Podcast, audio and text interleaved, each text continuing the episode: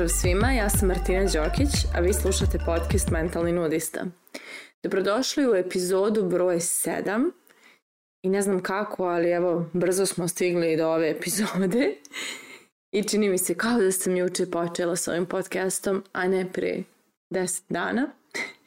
Tako da, nakon što smo pričali ove nedelje o seksualnoj energiji, koja je pokretačka, o tome da li živimo život koji nas puni ili prazni, vrijeme je malo da pričamo i o nečemu što nas zasigurno prazni, a može da se pretvori u neku stepenicu ka višem, odnosno da se pretvori u nešto što će da nas napuni i usmjeri za našu budućnost.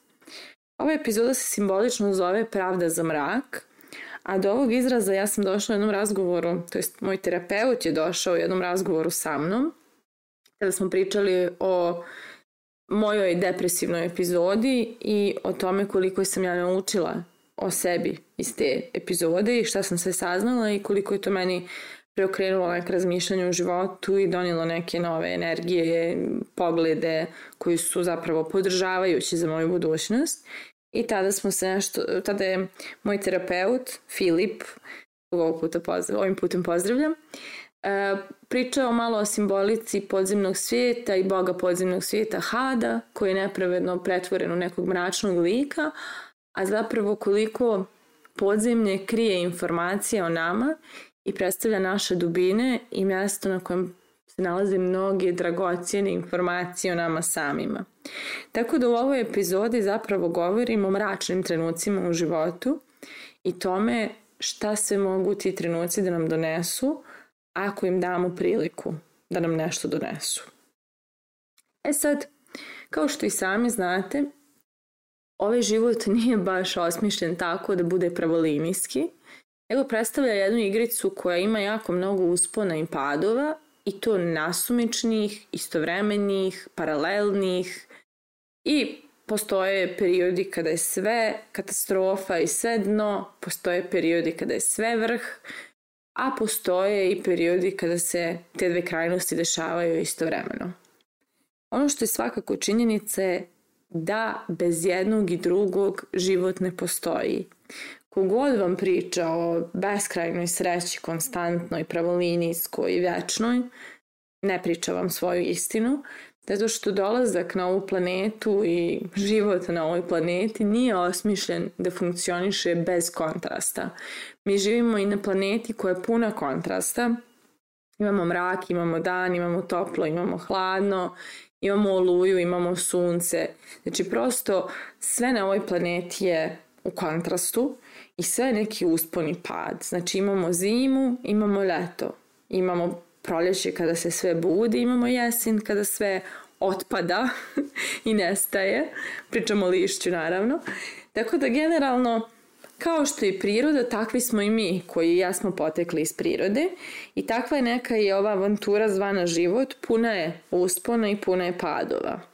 E sad opiranje padovima i proklinjanje padova je jedna jako teška filozofija za živjeti je, zato što mračni trenuci, teški trenuci nisu nešto što je moguće izbjeći kada ste čovjek i kada živite ovaj život koji sada živimo.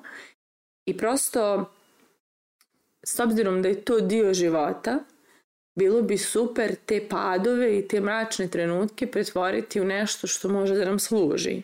Jer svakako to jeste tu da nam služi. Ima jedna super izreka koju je Tony Robbins rekao, a to je život se ne dešava vama, život se dešava za vas. I upravo ideja uspona i padova je tu da nam pomogne da formiramo sebe, odnosno da otkrivamo neke dijelove sebe koji ne bi bili nama dostupni da se ne dešavaju te neke krajnosti u našem životu. I moja neka filozofija lična je da sve ovo što se dešava s polja zapravo služi da mi otkrijemo svoj svijet unutrašnji, da spoznajemo sebe kroz neka razna iskustva. Pa tako i ta mračna iskustva nas se jako mnogo spoznaje o nama samima. I baš te situacije kada smo i povrijeđeni i uvrijeđeni i slomljeni i tužni i ranjivi su situacije kada dolazimo u kontakt sa nekim najtananijim dijelovima nas i dolazimo u kontakt sa možda nekim i potisnutim strahovima, nesigurnostima, neizličenim ranama, e, shvatanjima koje nam možda ne dozvoljavaju da napredujemo i slično. Ali u svakom slučaju, kada god se nađemo u mraku, imamo priliku da u tom mraku vidimo neke dijelove sebe koje ne bismo vidjeli da je to, taj mrak ne postoji. A onda kada izađemo iz tog mraka, onda dan izgleda fantastično i umijemo mnogo više da ga cijenimo jer nam je nedostajao i jedva smo čekali da se desi. Tako da, da nije tog mraka ne bismo ni znali da uživamo u tom danu, ali ono što se često dešava je da ljudi kada se nađu u mraku, proklinju svoj mrak, mrze svoj mrak, boje se svog mraka, žive život u kojem bježe od mraka i samim tim i kad je dan ne mogu da budu u miru zato što se plaše kada će ponovo doći mrak. Kao neko koji je živio taj život, mogu da vam kažem da je to i jako naporan sistem funkcionisanja. Jer evo ja sam, na primjer, osoba koja je do 19. godine imala jako mnogo depresivnih epizoda i jedan prilično mračan period života. Kada sam se iz svoje poslednje depresivne epizode sa 19 godina, koja je bila jako teška i jedva izdrživa, iščupala, ja sam tada počela da bježim glavom bez obzira od te verzije sebe, jer nisam bila sigurna da ću narednu epizodu uspjeti da preživim. Zato što nisam znala kako sam tu prethodnu preživjela, ni šta me spasilo, znam samo da sam nekako uspjela da se spasim.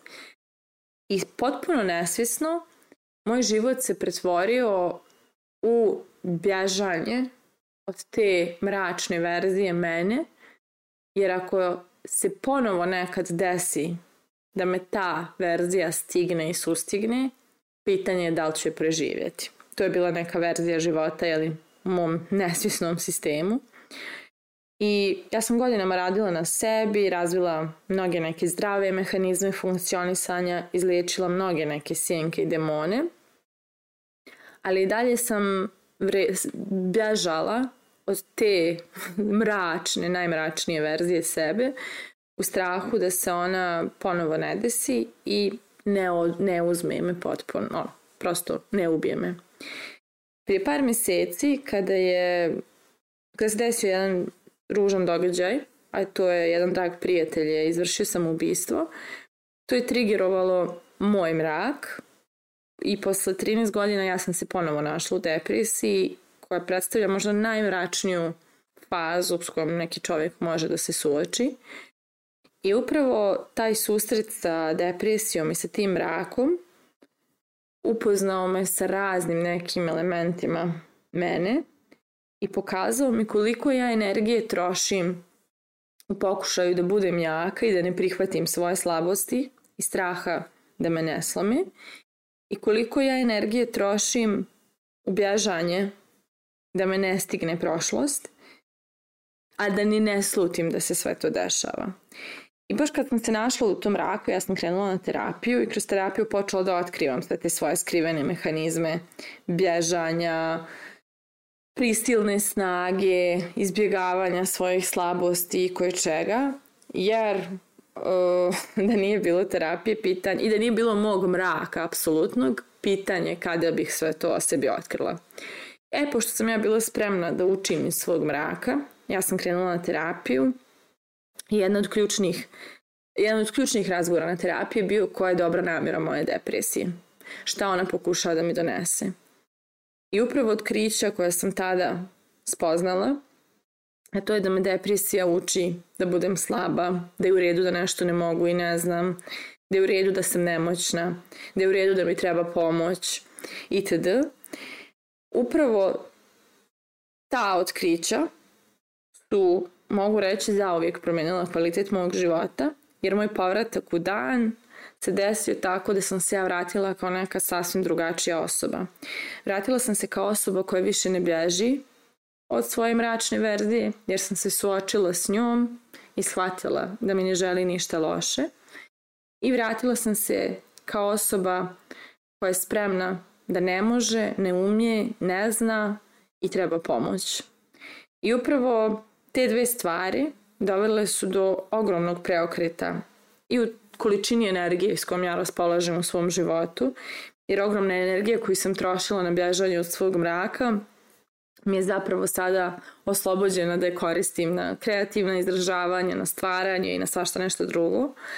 A i moja mogućnost da dozvolim sebi da budem slaba i da mi treba pomoć, da ne mogu, neću i ne znam, mi je otvorila prostor da budem ranjivija prema ljudima, a samim tim i da gradim dublje intimne veze i odnose. Jer bez ranjivosti nema duboke intime. Tako da u svakom mraku u kojem sam se našla u životu, a ovaj primjer koji sam navela je jedan od najvećih mrakova, ako se tako kaže, s kojima sam se suočila, ali svaki u kojem sam se našla je donio neki spozna i neka znanja, a ja sam ih vidjela jer sam bila otvorena zato da pustim moj mrak, da me nešto nauči i da saznam o sebi sve što taj mrak želi da mi kaže. I onog trenutka kada zapravo otkrijete šta vaš mrak pokušava da vam kaže, tog trenutka je vaš mrak spreman da ode. Jer njegova uloga je bila samo da vam nešto o vama samima kaže.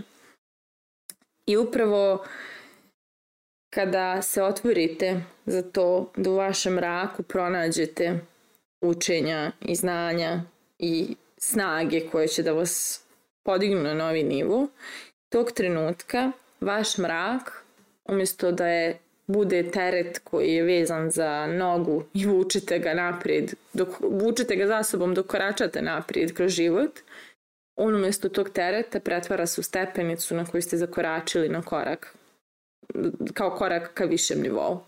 Upravo to sam ja i uradila sa svojim mrakom i jako sam sebi zahvala na tome, a onda i svima koji su učestvovali u mom prevazileženju mraka. Pa za kraj ove epizode želim da vas pitam da li vam je vaš mrak teret ili vam je vaš mrak stepenica za naprijed. Mislite o tome, a mi se slušamo naredne nedelje. Pozdrav!